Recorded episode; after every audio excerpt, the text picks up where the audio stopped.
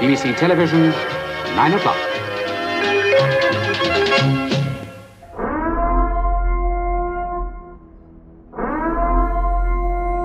This is not a test. This is your emergency broadcast system announcing the commencement of the annual purge sanctioned by the U.S. government. May God be with you all.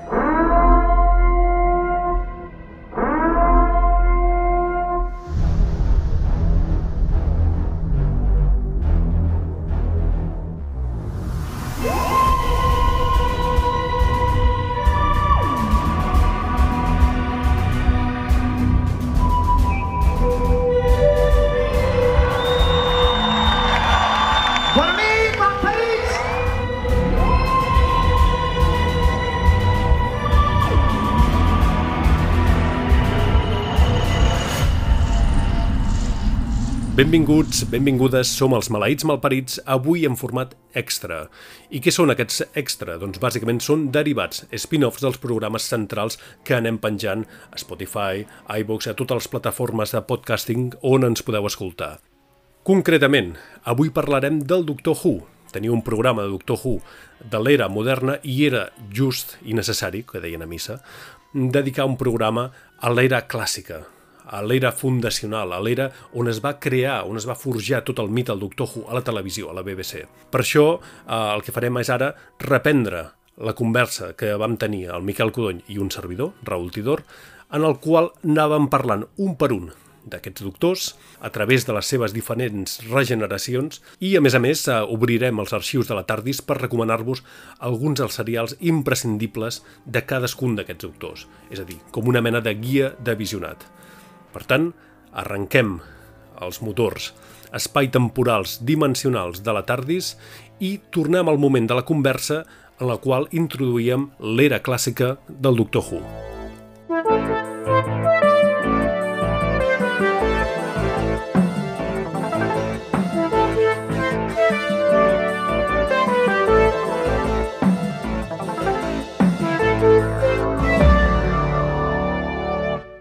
Has esmentat la sèrie clàssica, deixem-ho clar aquí, no cal veure la sèrie clàssica per veure la sèrie moderna, la, la reimaginació que va començar el 2005. Però sí que, òbviament, la gent interessada en fer arqueologia televisiva i de fantàstica, doncs té aquí mm, desenes, desenes i desenes, eh, centenars, de fet, de capítols a la seva disposició. Mm, tu la sèrie clàssica l'has intentat veure, visitar, revisitar, deixant davant del Tom Baker que vas veure en el seu moment, o no t'has atrevit? No m'he atrevit molt. He buscat algun capítol que havia llegit algun article que l'esmentava, però la veritat és que no són superfàcils de trobar tampoc. En plataformes crec que només hi ha... Les noves sí, eh? les noves pràcticament Mm. totes estan disponibles amb facilitat. Ara no me'n recordo si era Netflix o quina, però es poden trobar amb molta facilitat.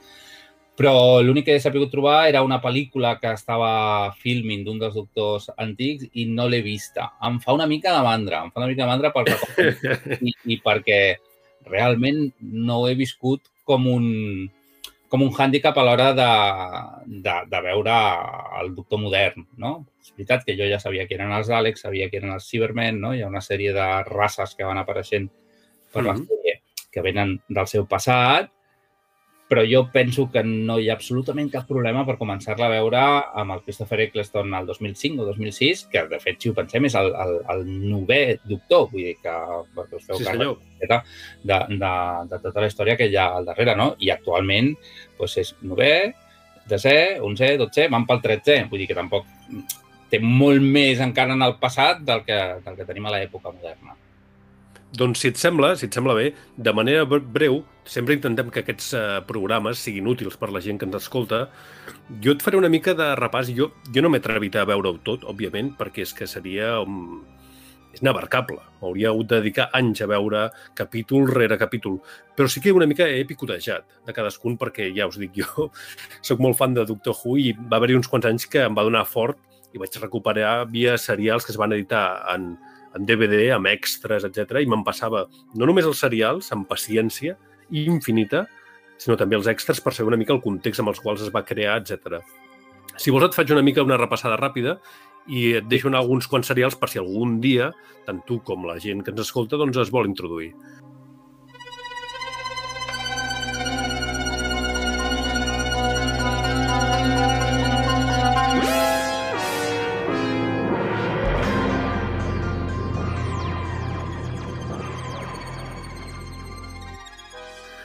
El primer doctor, el William Hartnell, va estar tres temporades. Recordem que això comença l'any 1963, eh? agafat fort. I és un doctor que, vist ara, sorprèn molt perquè és un senyor gran. No era tan gran el William Hartnell, eh? quan va començar tenia 50 pocs anys. El que passa, clar, eh? els 50 anys dels anys 60 no són com els d'ara, ni molt menys. I, curiosament, i això també ens donen pistes, eh, tot comença en una escola i els dos primers companions, els dos primers acompanyants, són dos professors. There you are, grandfather. Excuse me. What are you doing here? Uh, we're looking for a girl. We? Good evening. What do you want? Won't you help us? We're two of her teachers from the Coal Hill School. We saw her come in and we haven't seen her leave. Naturally, we're worried. Això és important, perquè el Doctor Who, molt en contra del que la gent es pensa, no el va crear el departament de infantil de la BBC. El va crear el departament de ficció amb una missió educativa, si vols, però està pensat per tota la família. Això és molt important. Mai ha sigut un programa infantil, sinó que havia d'agradar als nens, però havia també de ser una mica amable amb els pares, d'aquí tots els elements d'aventures, etc. Yes, it all started out as a mild curiosity in the junkyard. And now it's turned out to be quite a, quite a great spirit of adventure, don't you think? I durant els primers serials, bàsicament el, aquest primer doctor, eh, es va dedicar a visitar doncs, diferents períodes his històrics. Marco Polo, els asteques, els romans, etc. Eh, això és arqueologia televisiva, ja t'ho dic ara. Si mai ho veus, és com veure teatre filmat. És una relíquia del passat. Quina és la gràcia? Doncs bé, eh, bàsicament s'introdueixen, només començar, són els Daleks, creats pel Terry Nation, amb una clara inspiració nazi totalitària, You will move ahead of us and follow my directions. This way. Immediately. Els Cybermen, que de fet surten a l'última història del Doctor, eh, que es diu el Tenth Planet, una creació del Kid Pedler, You must come and live with us. We cannot live with you. You're, you're different. You've got no feelings. Feelings? I do not understand that word. Emotions, love, pride, hate, fear. Have you no emotions, sir? But who or what are you? We are called Cybermen. si et poses una mica en situació, la sèrie es veia molt futurista per l'època. El tema central de Doctor Who mític, creat per una de les pioneres de l'electrònica, la Delia Derbyshire, està fet en base a loops, a distorsions de so, molt abans de l'existència de sintetitzadors, etc. Era una cosa marciana ja des de la careta d'entrada. No hi havia res com allò. When I saw Ron Grainer's score, there were some swoops indicated, and I assumed those were sine waves. But then, um, apart from that, to fit in with the graphics, he he used words like clouds and wind bubble. Clouds, obviously, one thinks of as filtered white noise. It it was constructed on literally on, on qu- quarter inch mono tape, inch by inch by inch. What I'd like to say is that hardly anything of it was done in real time, either at half speed or, or um, chopped together in, in little bits of tape. For example, the swoops um, at the beginning, that they were done on the old valve oscillators.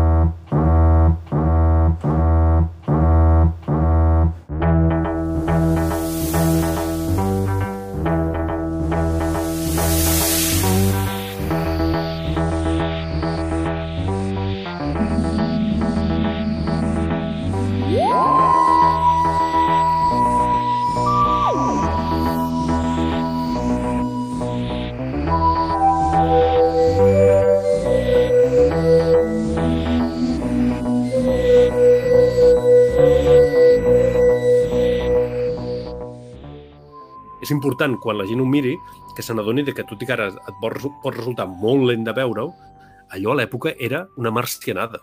Mm, llavors és, és, és molt interessant. Hi ha un capítol, per exemple, un serial, perquè va per serial, que es diu uh, The War Machines, que bàsicament passa a Londres, i uns robots, que són uns robots, imagina't, eh, són com una mena de ca carros amb, amb paper maixer a sobre, uh, han adquirit uh, consciència i volen revoltar-se contra els humans. I això és com un 30 i pico anys abans de, Skynet i Terminator. O sigui, aquí ho tens.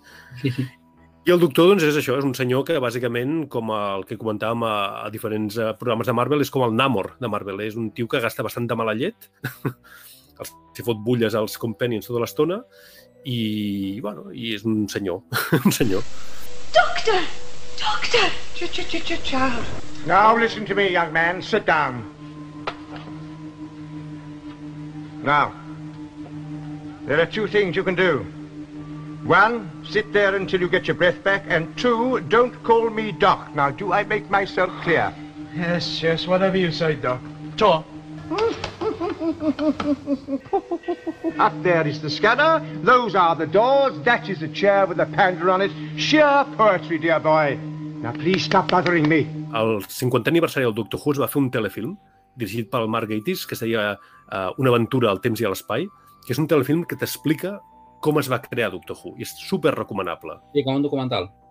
No és documental, és, és un telefilm eh, ficcionat, però que explica com el Sidney Newman, eh, que venia de, del Canadà, a la Verity Lambert, una de les primeres i llegendàries productores de la BBC, i el Waris Hussein, d'origen indi, es van aliar per crear aquest, aquest, aquesta personatge, aquesta sèrie, super recomanable. Es diu An Adventure in Space and Times.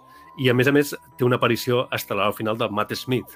Es va, es va estrenar això l'any 2013, coincidint amb el 50è aniversari del Doctor Who com a part de les celebracions. What about the Doctor himself? He's something like 600 years old. Looks like a senile old man, but he's tough. Tough. Tough and wiry like an old turkey. It's what you do so well, Mr. Hartnell. Stern and scary, but with a twinkle. Trust me, Bill, you're perfect for it. No one will be able to resist you. Do you think so? C.S. Lewis meets H.G. Wells meets Father Christmas. That's the Doctor. Doctor Who? Pel 50è aniversari, eh, la BBC va treure una sèrie de llibres, eren 11 llibres, Sí. Cadascun d'ells protagonitzat per un dels uh, doctors, em penso que arribaven al desè, perquè l'últim llibre em penso que els devia barrejar tots, ja us dic, eh? jo, no- jo no els he llegit, en aquest cas no parlo per, no, no parlo Mhm. per, per experiència pròpia, però cadascun estava uh, protagonitzat per un dels doctors, en seqüència, en ordre, i intentava ser més o menys, eh, doncs, donar una mica exemple del que passava a, a l'època de cada doctor, i cadascun dels llibres està escrit, està escrit per algun autor que moltes vegades és un autor, un autor conegut. Un dels llibres és del Mark Gatiss, que després apareix també com a guionista, però hi ha el, el Neil Gaiman, sí. el Ben Aronovich, que és un escriptor molt bo eh, anglès en, en el tema fantàstic, i és també el Dan Abnett, el Gary Russell... Vull dir que són uns llibres que segurament val la pena fer-los un cop d'ull. Uh, I tots fans, tots fans, eh? segurament del doctor, segur, seguríssim. Sí, sí, perquè el Neil Gaiman, a més a més, ha guionitzat capítols del Doctor Who. Ah, sí. I tant, i tant, i tant. You are accessing the TARDIS database. Opening file. The First Doctor.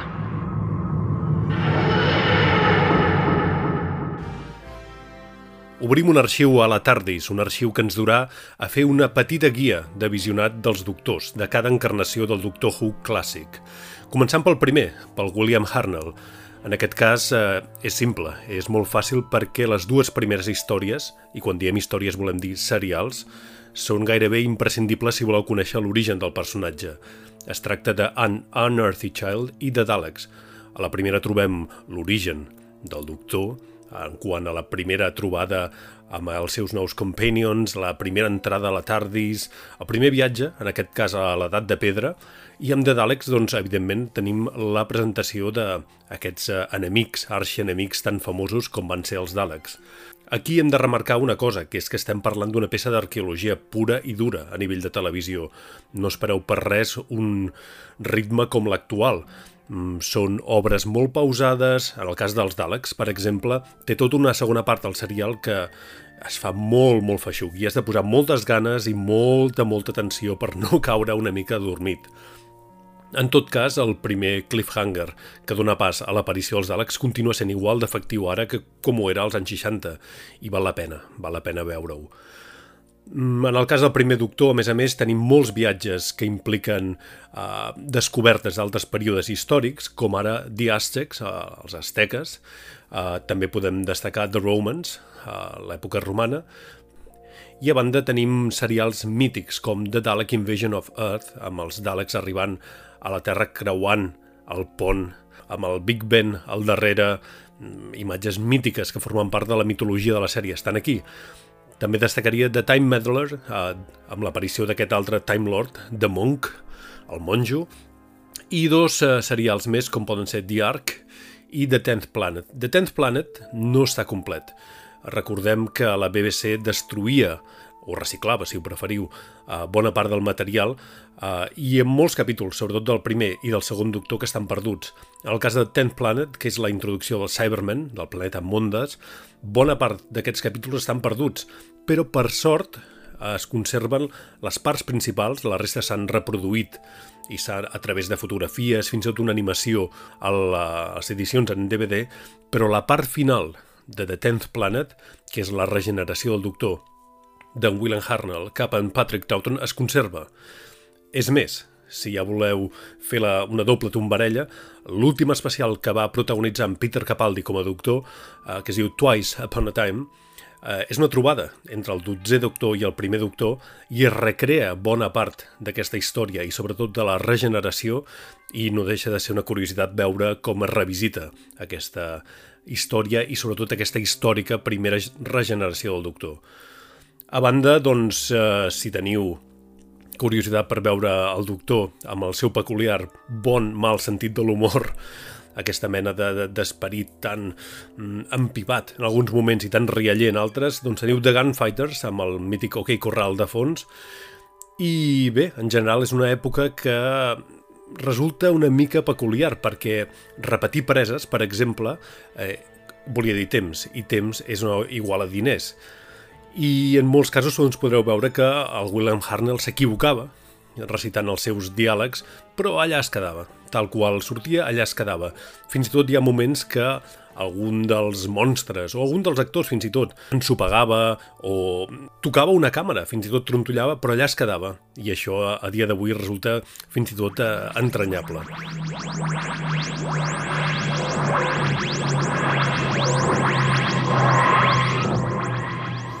El cas és això, el William Hartwell, que insisteixo, tot i que es veia gran, no era tan gran, tenia 50 pocs anys, o 50 llargs, si m'apures, uh, va començar a tenir problemes de salut i va entrar un segon doctor, el Patrick Troughton, que va estar tres temporades. A mi és un dels doctors que més m'agrada i que és una mica representa l'esperit del swing in London. Londres més cool, més fashion, etc. I passem de tenir un senyor gran a tenir a una mena de clown, a un vestit amb roba ampla, que sembla com el Charlie Chaplin a l'espai, bàsicament. no, no bones broken. Oh, oh dear. Oh, oh.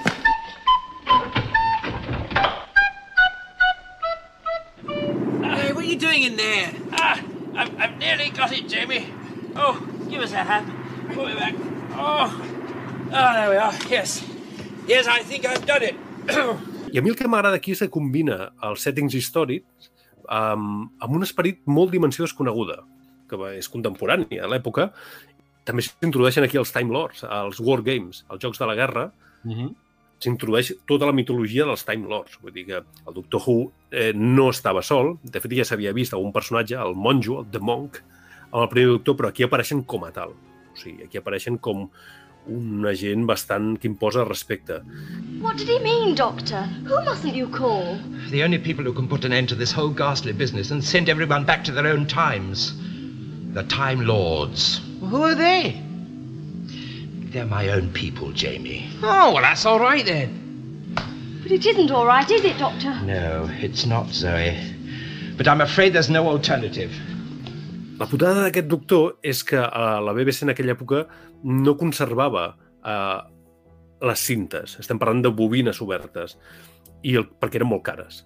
Llavors, el que feien, aquest, no hi havia aquesta visió de que això era patrimonial, i es reciclaven, es feien servir per altres coses i es conservaven doncs, els noticiaris, els documentals, etc. I s'han recuperat serials perduts a Doctor Who a base dels anys perquè amb la Commonwealth, diguéssim, amb els països de l'antic imperi britànic, eh, han retornat en base dels anys, o sigui, fins, continuen ara, eh, han aparegut, de sobte apareixen a un arxiu a Hong Kong, un arxiu a Nova Guinea, un arxiu a vés a saber on, apareix allò, un capítol perdut del Doctor Who. I aquest, el Patrick Troughton, tres temporades, és el que té més capítols perduts, juntament amb el William Hartnell. Mm. -hmm. És una llàstima perquè és un...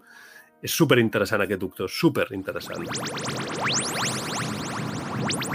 You are accessing the TARDIS database. Opening file. The second Doctor. Passem al segon doctor, les històries, les millors històries del segon doctor, el Patrick Troughton. Per desgràcia, com ja hem explicat, es tracta d'un doctor que té moltes històries perdudes. La BBC destruïa els materials i només s'han conservat molt poques històries, malauradament, d'aquest doctor, i s'han recuperat algunes amb el pas del temps, però, per exemple, la primera temporada del Patrick Troughton està gairebé perduda. No sabem si per sempre, però cada any que passa és més i més improbable que es recuperin els episodis. Què recomanaríem del Patrick Troughton? Primera, The Tom of the Cybermen.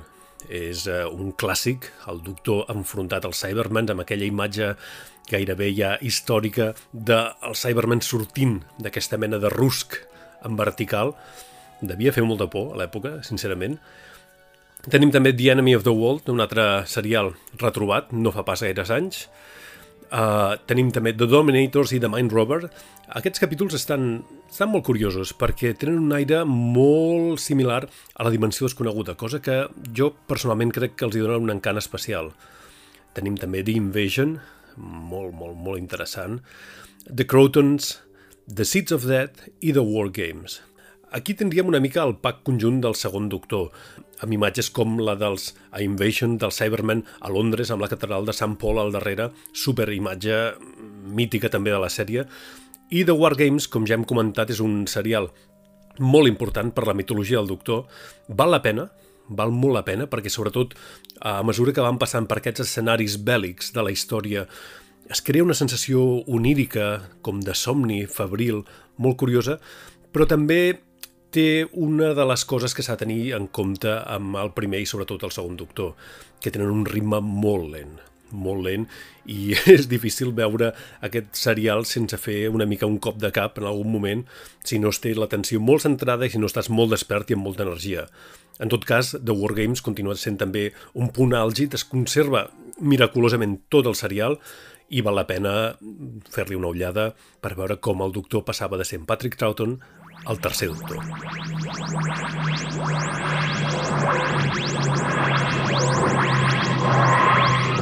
Després tenim el tercer doctor, que és el John Pertwee. Va estar cinc temporades, al tanto, eh?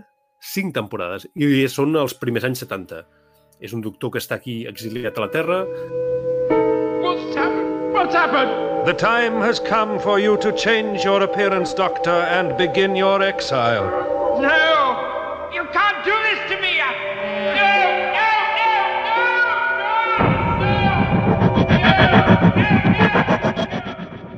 Eh, treballa colze a colze amb UNIT, que és aquesta mena de, de, de, de brigada de, de, de militar de defensa de la terra, fa Aikido venusià i és una barreja entre Gentleman, Arturo Fernández, James Bond, molt més expeditiu que el, que el segon doctor, que era més pallacete. I Savage!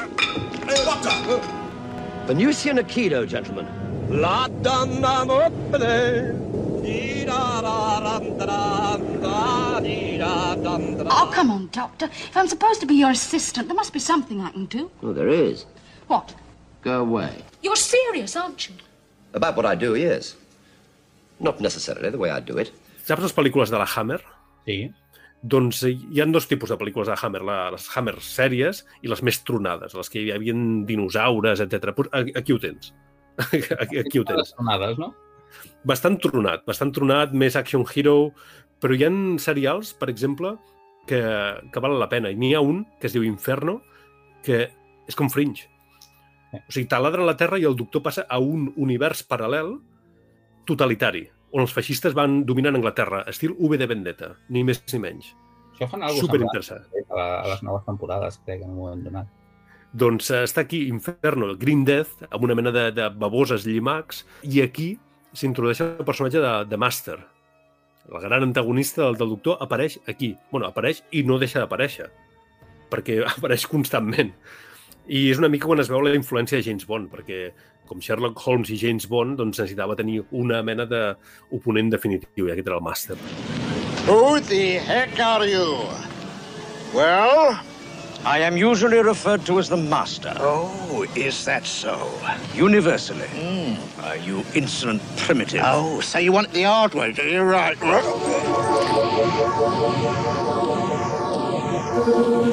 You've come here to kill me, of course? But not without considerable regret. How very comforting. You see, Doctor, you're my intellectual equal. Almost. I have so few worthy opponents. When they've gone, I always miss them. You are accessing the TARDIS database. Opening file. The third Doctor. El tercer doctor, les històries d'en John Pertwee. Doncs eh, n'hi ha unes quantes, n'hi ha unes quantes i amb peculiaritats. Per exemple, la primera història, la història de debut del John Pertwee, és molt curiosa. Es diu Spearhead from Space i es va enregistrar enmig d'una vaga a la BBC. Això va fer que tota la història, en comptes d'estar gravada, com es feia habitualment a la, a la BBC a l'època, amb càmeres de televisió pels interiors i amb càmeres de cine pels exteriors, això els que teniu memòria o vist sèries com Aló Aló o l'Escursó Negra, o fins i, tot, fins i tot els joves, recordareu que la textura de les imatges d'interior i exteriors variava, i era per això, perquè els interiors estaven fets amb càmeres de televisió i els exteriors amb càmeres de cine, de 16 mil·límetres, si no ha xerrat. Doncs bé, en aquest cas, degut a la vaga, tot el serial es va gravar amb imatge de cine, amb càmeres de cine, i això fa que sigui l'única història que avui en dia, quan eh, s'han editat en DVD i actualment que s'estan editant en Blu-ray, és l'única que té qualitat HD. Eh, aguanta la imatge i té una textura molt cinematogràfica. A més a més, els qui heu vist els Doctor Who, el primeríssim capítol de l'era moderna amb el Christopher Eccleston i la Rose, amb aquests eh, maniquís que prenien vida, doncs bé, aquí els teniu, els Autons fent de les seves i la textura de cine li dona un rotllo bastant interessant. Més enllà d'aquesta primera història, eh, jo he de confessar sincerament que no és el doctor del qual he vist més, perquè tinc la sensació de que al ser amb aquest esperit tan setantero, de trajes amb xorreres, eh, aquell, la Bessie, que és aquest, aquest cotxe de color groc que tenia el doctor, i el doctor en si, que té aquest aspecte com de ser eh, aquesta mena de jubilats que van a Lloret de Mar des d'Anglaterra i que després d'haver-se pres dues copetes de més comença a cantar òpera, doncs eh, no és exactament el que prefereixo, però té històries que valen molt la pena. Per exemple, The Ambassadors of Death, molt curiosa, Inferno, que l'hem comentada, molt bé, té uns efectes croma tremabundos als nostres ulls actuals, però està molt bé la història. Uh, Terror of the Autons, on tornem a trobar aquests, aquests grans enemics. The Mind of Evil, The Diamonds, molt, molt curiós aquí, ambientació gòtica, hammer total. The Green Death, que l'hem comentada, amb, els, uh, amb aquesta mena de llimacs, amb aquesta mena de cucs, que estan molt lligats amb l'aparició de, la, de la consciència i dels partits ecologistes als anys 70, els qui vau ser nens als anys 80 segur que recordeu aquelles enganxines de nuclear no gràcies, doncs va per aquí la cosa. The Time Warrior, que si no recordo mal, malament és on apareix la Sarah Jane, aquesta companió mítica que va acompanyar el Tom Baker durant tants capítols, i Planet of the Spiders, que seria la història final del doctor abans de la regeneració. Està bé, vull dir, és un doctor que és molt colorista, eh, aquest esperit més James Bond, i que en alguns moments ratlla, sincerament, eh, Austin Powers, pel propi comportament del doctor, per, pel colorisme, per la manera de ser d'en John Pertwee... És interessant, és una època que no és exactament la meva preferida, però és interessant.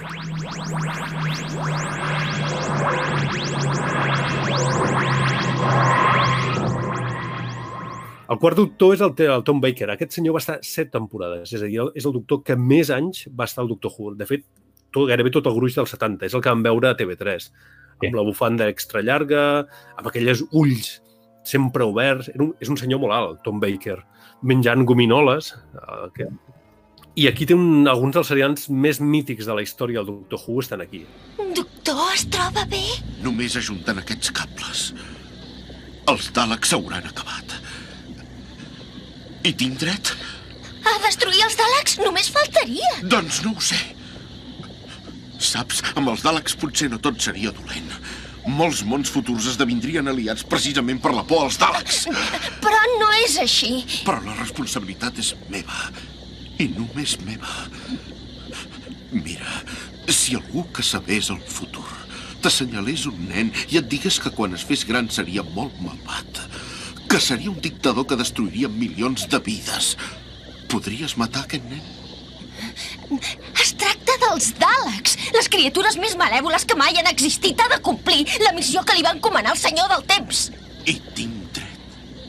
Si es tractés de destruir una malaltia o un bacteri, no ho dubtaria pas. Però si mato, si faig desaparèixer una forma de vida intel·ligent, em tornaré com ells. Estaria a l'altura dels Daleks. Pensi en tot el sofriment que causaran si no ho fa. Està Genesis of the Daleks, on es presenta el Davros, que torna a sortir. Aquí és claríssim, no?, l'analogia del, dels Daleks i el tema nazi, les piràmides de Mars, els Seeds of Doom, que és una mena com la cosa del John Carpenter, els Talons of Wen Chiang amb una estètica victoriana, Deadly Assassin, on, on en veiem un altre cop al planeta Gallifrey, i hi ha una cosa, el Rassilon, que és aquest gran jefe dels Time Lords, i The Matrix. Entra en una realitat virtual el doctor molts anys abans que els germans, o germanes, perdó, Wachowski creiessin el personatge de Neo Trinity. El doctor ja va entrar a The Matrix i, i aquí diria que tu disfrutaries moltíssim mirant City of Dead, guionitzat pel Douglas Adams, el creador de la guia de l'autoestopista galàctico, amb el seu sentit de l'humor, està tot aquí. És, és fabulós. You're not fit yet. Not fit? I'm the doctor. No, doctor. I'm the doctor, and I say that you're not fit. You may be a doctor, but I'm the doctor. The definite article, you might say. Look here, doctor. You're not fit. Not you... fit. Not fit. Of course I'm fit. All systems go. Doctor, you can't go. Can't. Can't. There's no such word as can't. I've got news for you. This lighthouse is under attack, and by morning we might all be dead. My dear, I don't think he's as stupid as he seems. My dear, nobody can be as stupid as he seems. There's no point in being grown up if you can't be childish sometimes.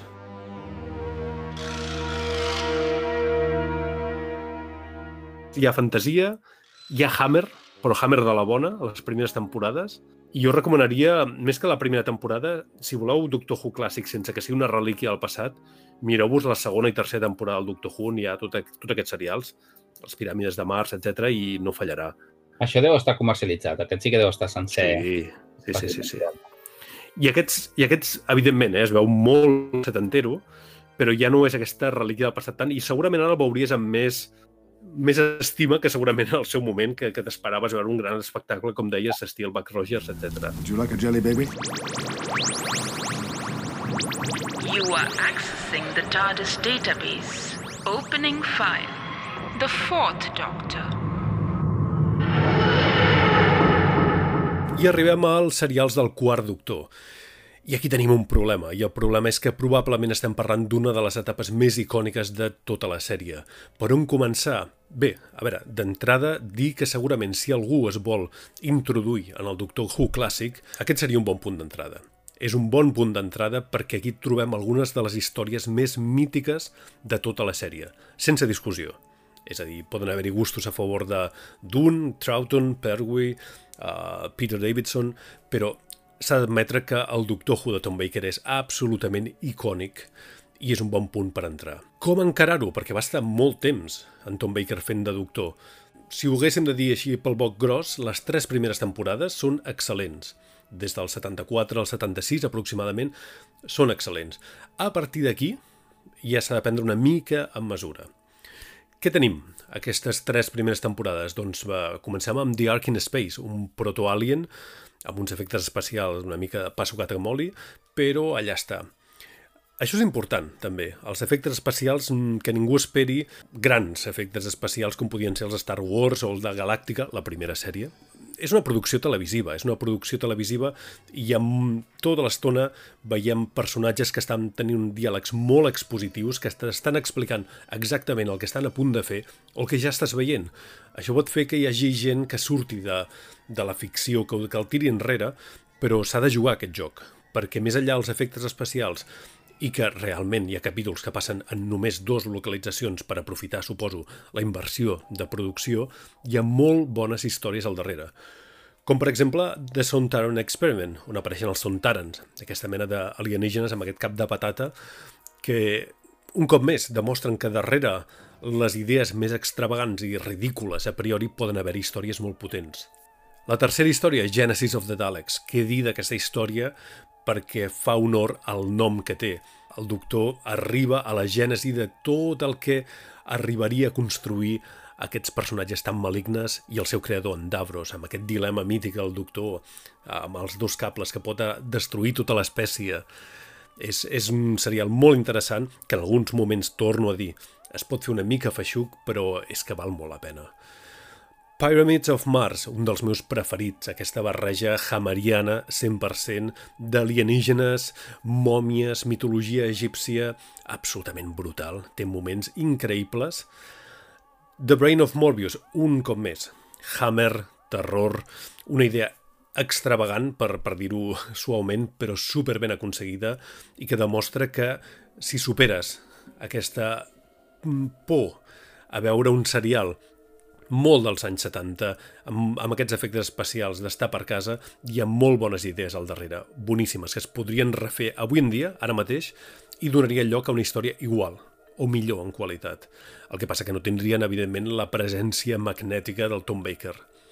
The Seeds of Doom, un cop més, aquesta mena de proto-la-cosa d'en John Carpenter, via remake, The Think of Another World, amb una banda sonora magnífica, una ambientació del luxe, Tres quarts del mateix amb The Mask of Mandragora. Mm, aquí, si no recordo malament, és on es descobreix la segona sala de control de la TARDIS, amb aquest aspecte molt més antic, molt més de fusta, molt més clàssic.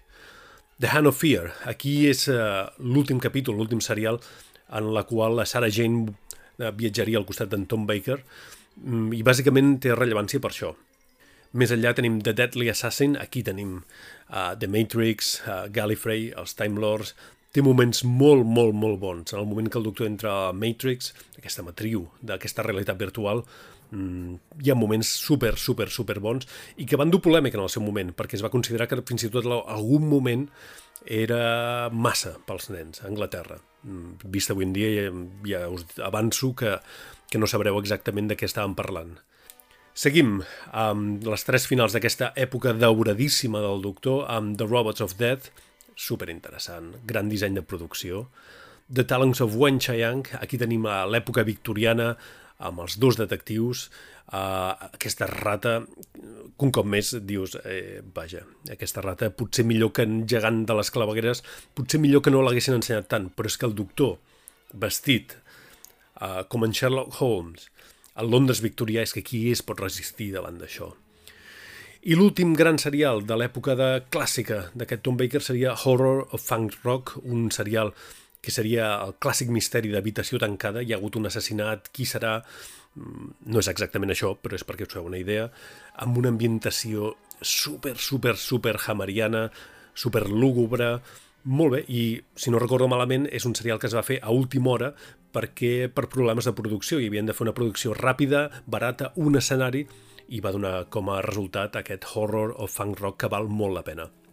A partir d'aquí, uh, hi ha moltes més històries del Doctor, hi ha una trilogia, uh, Lee Space, que és uh, curiosa perquè el, el Doctor ja s'acompanyava en aquella època de l'Adric, el K9, tindríem també uh, companions com la salvatge Lila, uh, tindríem també la romana, però jo, de, el que resta del doctor uh, del Tom Baker, jo diria que aneu una mica dosificant, perquè hi ha històries amb molts altibaixos i un clar hit de tardorenc del, del doctor seria City of Death, de la temporada 17, l'última possiblement gran història del Tom Baker, escrita pel Douglas Adams, que no hauria d'haver sigut l'última, última, perquè hi havia una que es diu Shada, que es va interrompre. La producció mm, va quedar per sempre més inconclusa degut a un altre cop a una vaga de la BBC i que només recentment s'ha pogut recuperar animant alguns trossos, els trossos que, que no s'havien pogut filmar i amb una aparició absolutament entranyable de el Tom Baker al final, ara hi ha un Tom Baker gran reprenent per probablement última vegada davant de les càmeres el seu rol de quart doctor. Gran doctor Tom Baker grans històries.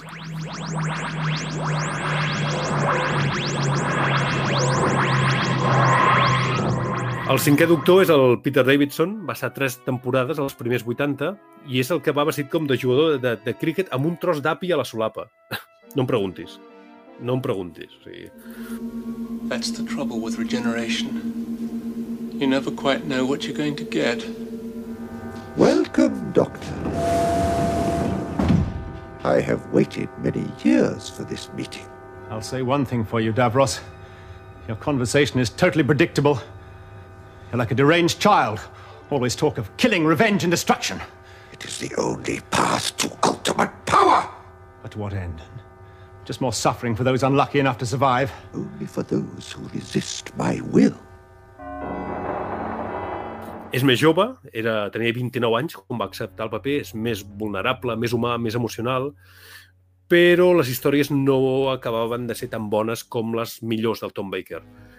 En tot cas, la última història, fixa't, eh, la última que va protagonitzar, es diu The Caves of Androsani, és la típica història que si la veus ara té coses que encara impacten a nivell d'història i si te l'imagines amb els efectes especials i tot d'ara, diries, hòstia, se continua sent rodona. Perry. What's happened? there must be something I can do. Tell me. Too late, Perry. Going soon. It's time to say goodbye. Don't give up. You can't leave me now. I might regenerate. I don't know. Feels different this time.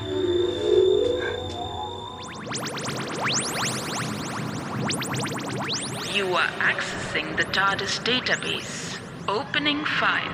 The fifth Doctor.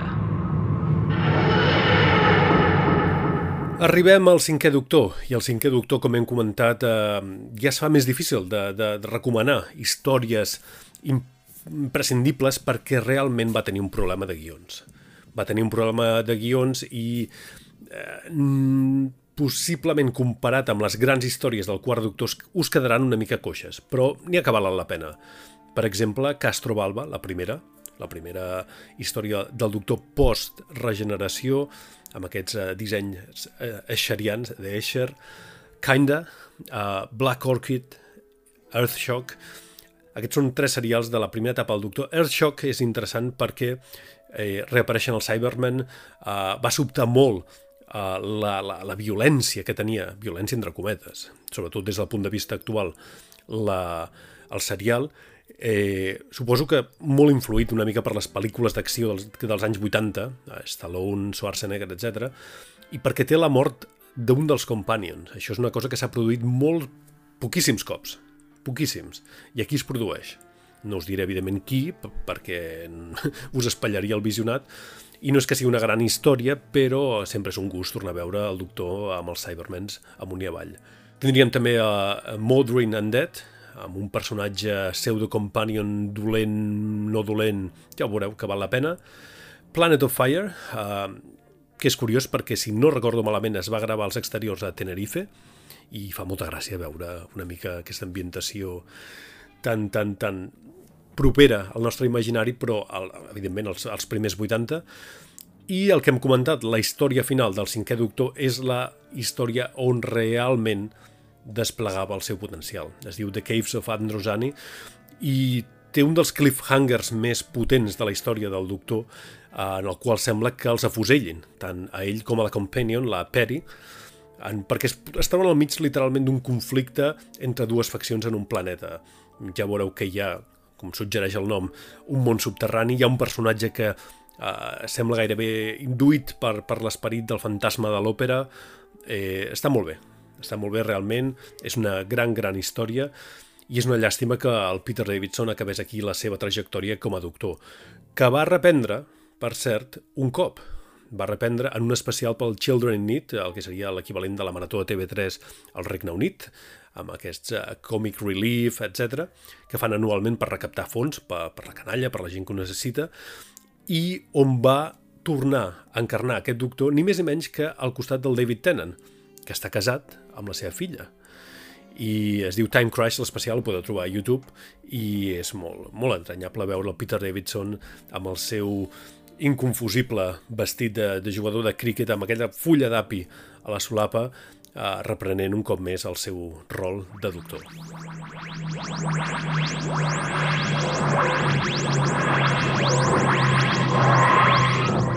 Després d'això tenim el Colin Baker, que és aquest amb el que coneixies, que és un senyor que va vestit de coloraines, com el pallacete de Micolor. Eh, això va ser un, un fail en tota regla. És, no va connectar amb l'audiència, és un doctor molt arrogant. Doctor?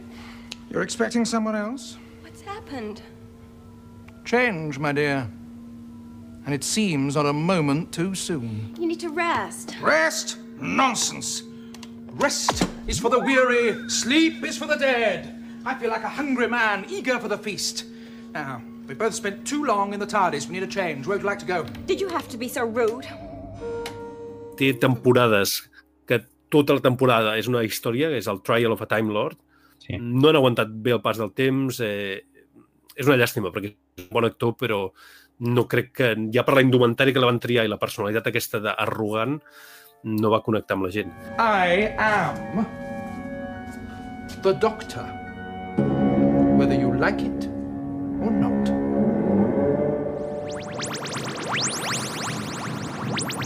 You are accessing the TARDIS database. Opening 5. The Sixth Doctor.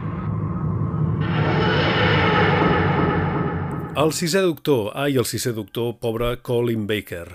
Pobre perquè no només el van vestir amb el pitjor, amb diferència, disseny de vestuari possible, eh, fet pel seu mm, pitjor enemic, sinó que, a més a més, no va tenir tampoc gaire sort amb els guions. Eh, el John Nathan Turner estava com a productor executiu, com a gran cervell de la sèrie en aquella època, eh, com anys després estarien Russell T. Davis o el Stephen Moffat, a l'època moderna, i lamentablement és que no té gaires històries uh, a destacar. Uh, podríem dir que una de les uh, bones, per dir-ho així, és Attack of the Cybermen, on s'enfronta un cop més amb el Cybermen. Tampoc és que sigui un gran, gran cosa, però poder veure escenaris de Londres de, de l'època és curiós. Vengeance on Barrows, aquesta és una, un dels serials que va calar fons entre els fans, però no a favor, precisament, perquè és una mica mm, lúgubre, fosc, és, és, el doctor es comporta de manera molt gairebé violenta, fins i tot es diu que, que, que executava o matava a, a un dels seus rivals, cosa que no és ben bé certa, però va deixar un regust de boca una mica estrany. Sí que és cert que és un, un, un altre registre, ja no és aquell doctor uh, que repartia Jelly Babies entre, entre amics i enemics del Tom Baker, és una altra història. També destacaríem The Mark of the Runny, perquè aquest personatge, Rani, aquesta, aquesta dona que iguala o supera en quant a intel·ligència al doctor, i a partir d'aquí, ves, és que mm, ens hauríem d'enfrontar amb el Trial of a Time Lord, el judici al Senyor del Temps, que són un seguit d'històries interconnectades que requereixen de molta paciència, moltes ganes i que deixen una espina clavada, perquè en Colin Baker, un cop més, no va poder desplegar el seu potencial fins molts anys després.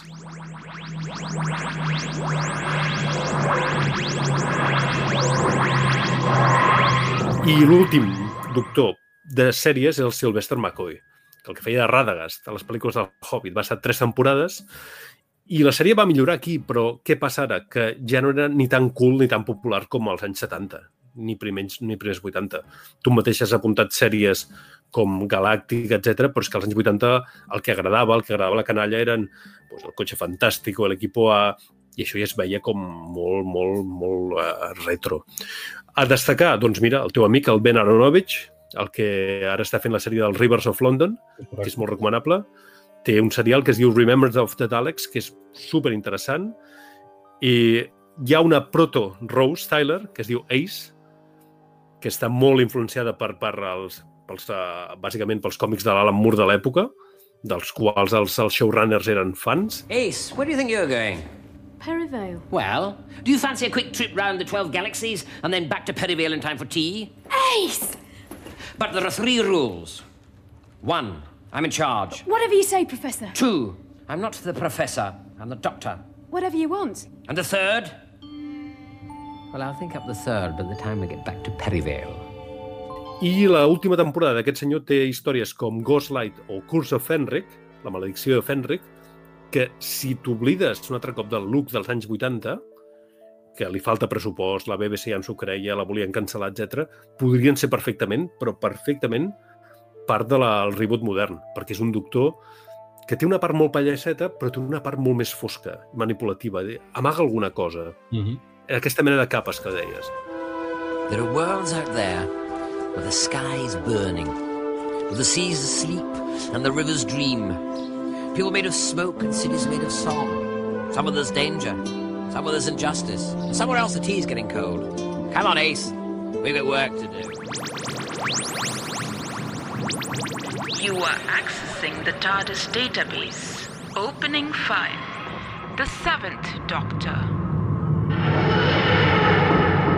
El setè doctor, Sylvester McCoy, té, podríem dir-ne així, la sort i la desgràcia de ser l'últim doctor de l'època clàssica, de l'època del doctor a la televisió, a la BBC, i la sort és que, bé, va poder remuntar un inici molt fluixet, té les primeres històries del doctor amb la, amb la primera companion, la Mel, no acabaven de trobar-li el registre i la cosa va començar a millorar a poc a poc, lentament.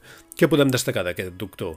Uh, Remembrance of the Daleks és una molt bona història amb els Daleks, amb un redisseny que a mi personalment m'ha semblat una mica espantós, amb aquests Daleks de color blanc, amb, amb aquests rematges de color daurat, una mica Daleks tonejats. Dragonfire, que aquí ja comencem a, a introduir nous personatges, uh, entre ells la Ace.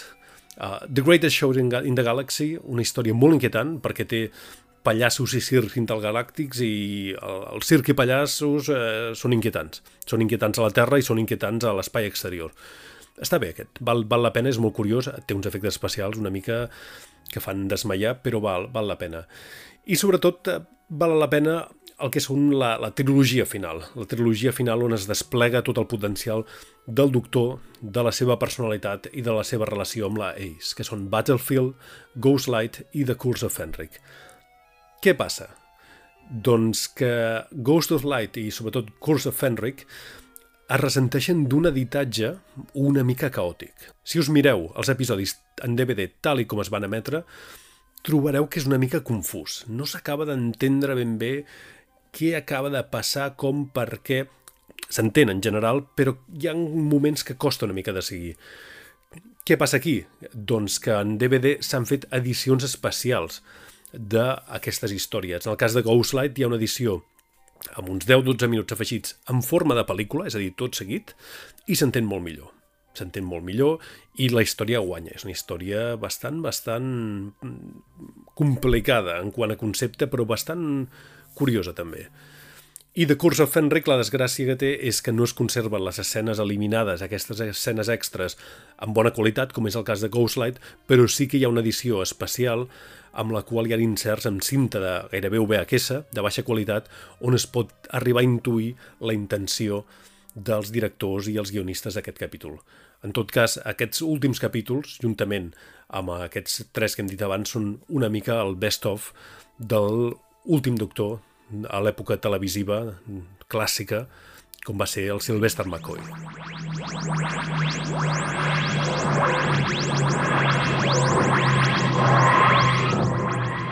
Aquests van ser els set doctors de les, dels serials de televisius des de l'any 63 fins a finals, just, mira, fixa't, s'acaben els 80 i s'acaba el doctor. I només va tenir una última encarnació clàssica, que és el 8 de doctor en Paul McGann, amb una pel·lícula del 96, que és una oportunitat molt perduda, perquè és eh, amb una estètica pseudo-steampunk molt influenciada per Expediente X de l'època, però és molt americana. És una sèrie molt americana, molt poc british. But you have no recollection of family. No. No, no, no, no, wait, wait, wait, wait. I remember I'm, I, I'm with my father. We're lying back in the grass. It's a warm Gallifreyan night. Gallifreyan? Gallifrey! Yes, this must be where I live. Now, where is that? I've never heard of it. What do you remember? A meteor storm. The, the, the sky above us was dancing with lights. Que no, la producció segueix sent producció britànica. Jo diria que és més aviat coproducció amb Estats Units i és més americana que, que anglesa. I si alguna cosa és el Doctor Who, estarem d'acord, és més anglès que el té sí, sí, sí. i que la reina. Vull dir, gaire... You are accessing the TARDIS database. Opening 5. The Eighth Doctor and Beyond. El vuitè doctor, Paul McGann, doncs no hi ha gran cosa a recomanar, sincerament, perquè més enllà de la pel·lícula que ja hem comentat i que, siguem sincers, no és una gran pel·lícula, es nota molt el, aquesta mena de visió americanitzada de l'imaginari, de la mitologia de Doctor Who, que no acaba de funcionar, i es va perdre el potencial del Paul McGann, fins que va tornar. Va tornar amb un mini episodi que es va emetre justament abans de la celebració del 50è aniversari del Doctor Who. Aquí, finalment, en Paul McGann es podria treure l'espina que duia clavada durant dècades i veure com es regenera amb el War Doctor, amb el doctor de la guerra, amb el John Hart, i demostrava que tenia molt potencial. De fet, això ja havia descobert una companyia que es diu Big Finish, que els fans de Doctor Who coneixen molt bé, i que es dedica bàsicament a fer serials radiofònics uh, del Doctor. És a dir, fan radionovel·les de tota la vida super ben cuidades i el millor de tot, amb bona part dels doctors que estan encara vius, posant les veus als personatges que en el seu moment van interpretar a davant de les càmeres. Què vol dir aquí? Doncs que, per exemple, en Paul McGann va fer, ha fet molts serials, està molt involucrat, uh, en té alguns com The Chimes of Midnight, que és super interessant i el que el podeu trobar, de fet, gratuïtament a Spotify, perquè durant el temps de, de pandèmia, el temps de Covid, a la companyia Big Finish va alliberar a Spotify de manera legal i gratuïta alguns d'aquests serials i, si voleu començar, per explorar més sobre el vuitè doctor, amb aquesta interpretació tan suggerent i tan personal d'en Paul McGann, doncs aquí ho teniu uh, està a Spotify. Uh, The Chimes of Midnight és un bon punt per començar, està considerat una de les millors històries produïdes per Big Finish i n'hi ha moltes més. Hi han participat el Sylvester McCoy, el Colin Baker, fins i tot el del Tom Baker, que eh, durant anys va voler refusar a tornar a interpretar el doctor. Aquí el tenim un altre cop. Totes les companions, uh, la Joe, uh, Ace, tota la gent que encara està viva, que encara està en actiu i que molts ells, és que eh, el doctor forma part de la, de la seva vida professional i personal, han tornat i teniu literalment desenes, centenars d'històries per explorar en format àudio. Evidentment, estan en anglès, en anglès a pèl, necessitareu un nivell mínim d'anglès, però també us dic que eh, hi ha pàgines de fans a eh, l'àmbit llatinoamericà, sobretot, que han fet transcripcions d'aquestes històries pàgina per pàgina com si fos un guió en castellà amb la qual cosa encara ho teniu més fàcil. És molt recomanable i aquí teniu molt més d'aquest vuitè doctor i dels anteriors que no havien acabat de quallar la televisió. Per últim, més enllà, què tenim més enllà? Doncs tenim una mica els crossovers. Hem comentat amb el primer doctor eh, aquesta mena d'encontre entre el William Harnell amb el personatge del Peter Capaldi en el moment de la seva regeneració, però no és el primer crossover que hi ha hagut entre els doctors, ni molt menys, ni molt menys. De fet, amb el, a l'època del John Pertwee ja van fer The Three Doctors, que, com suggereix el nom, era un encontre entre els tres doctors. És l'última aparició a la petita pantalla del William Harnell, que ja estava molt dèbil, ja estava mm, gairebé, per desgràcia, a les portes de dir-nos adeu, i és el reencontre entre el Pratic Troughton amb la seva flauta i la seva actitud més uh, hippie pallassa amb aquest uh, tercer doctor molt més James Bondià i és, és, un, és un crossover que val, val bastant la pena. A l'època del cinquè doctor, amb, coincidint amb l'aniversari, el 25è aniversari de la sèrie, van fer The Five Doctors, uh, el William Harnell ja no hi era, Mm, i el Tom Baker mm, tampoc. De fet, el, tot el, el metratge que surt del Tom Baker en aquest capítol és ni més ni menys que uh, retalls d'aquest serial que dèiem abans que s'havia quedat a mig fer, que es deia Shada, o Shada, si ho preferiu, amb el guió del Douglas Adams, i que el fiquen una mica allà, una mica com a pedaç, perquè en aquella època el Tom Baker no volia reprendre el seu rol com a doctor.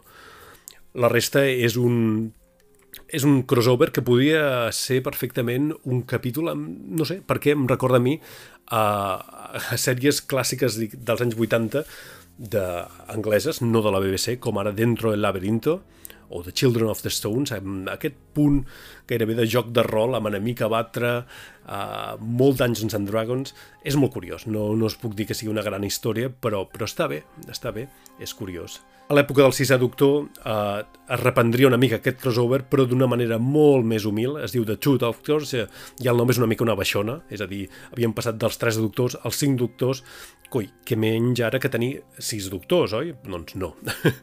el Patrick Troughton eh, es va, va ser l'únic que es va prestar a tornar a, a entrar al joc, entre altres coses, perquè ja n'hi havia d'altres doctors que ja, per desgràcia, mm, ja no estaven uh, entre nosaltres.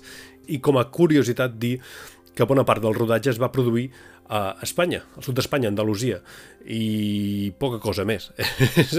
poca cosa més. Es va fer, evidentment, per abaratir uh, costos, tot i que mm, en aquella època fer rodatges tampoc és que fos especialment uh, barat de fer.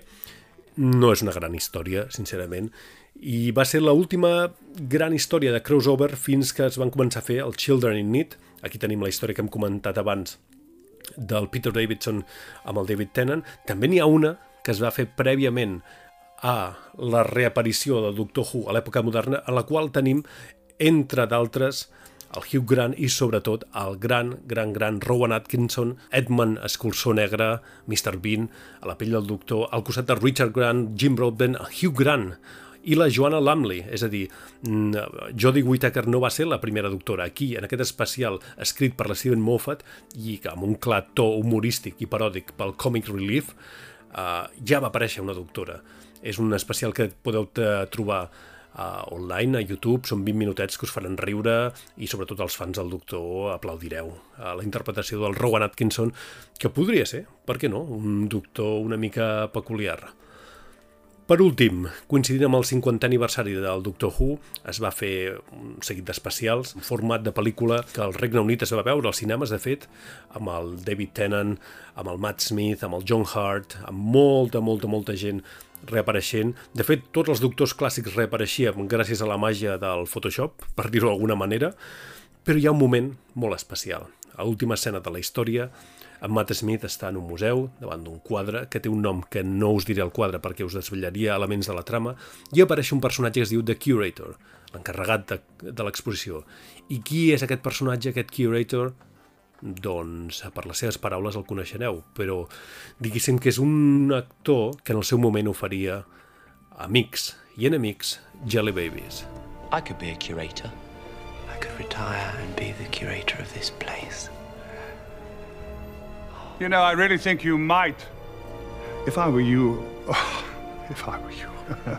oh, perhaps I was you, of course. or oh, perhaps you are me. yeah. Congratulations. Thank you very much. or perhaps it doesn't matter either way. Who knows? Who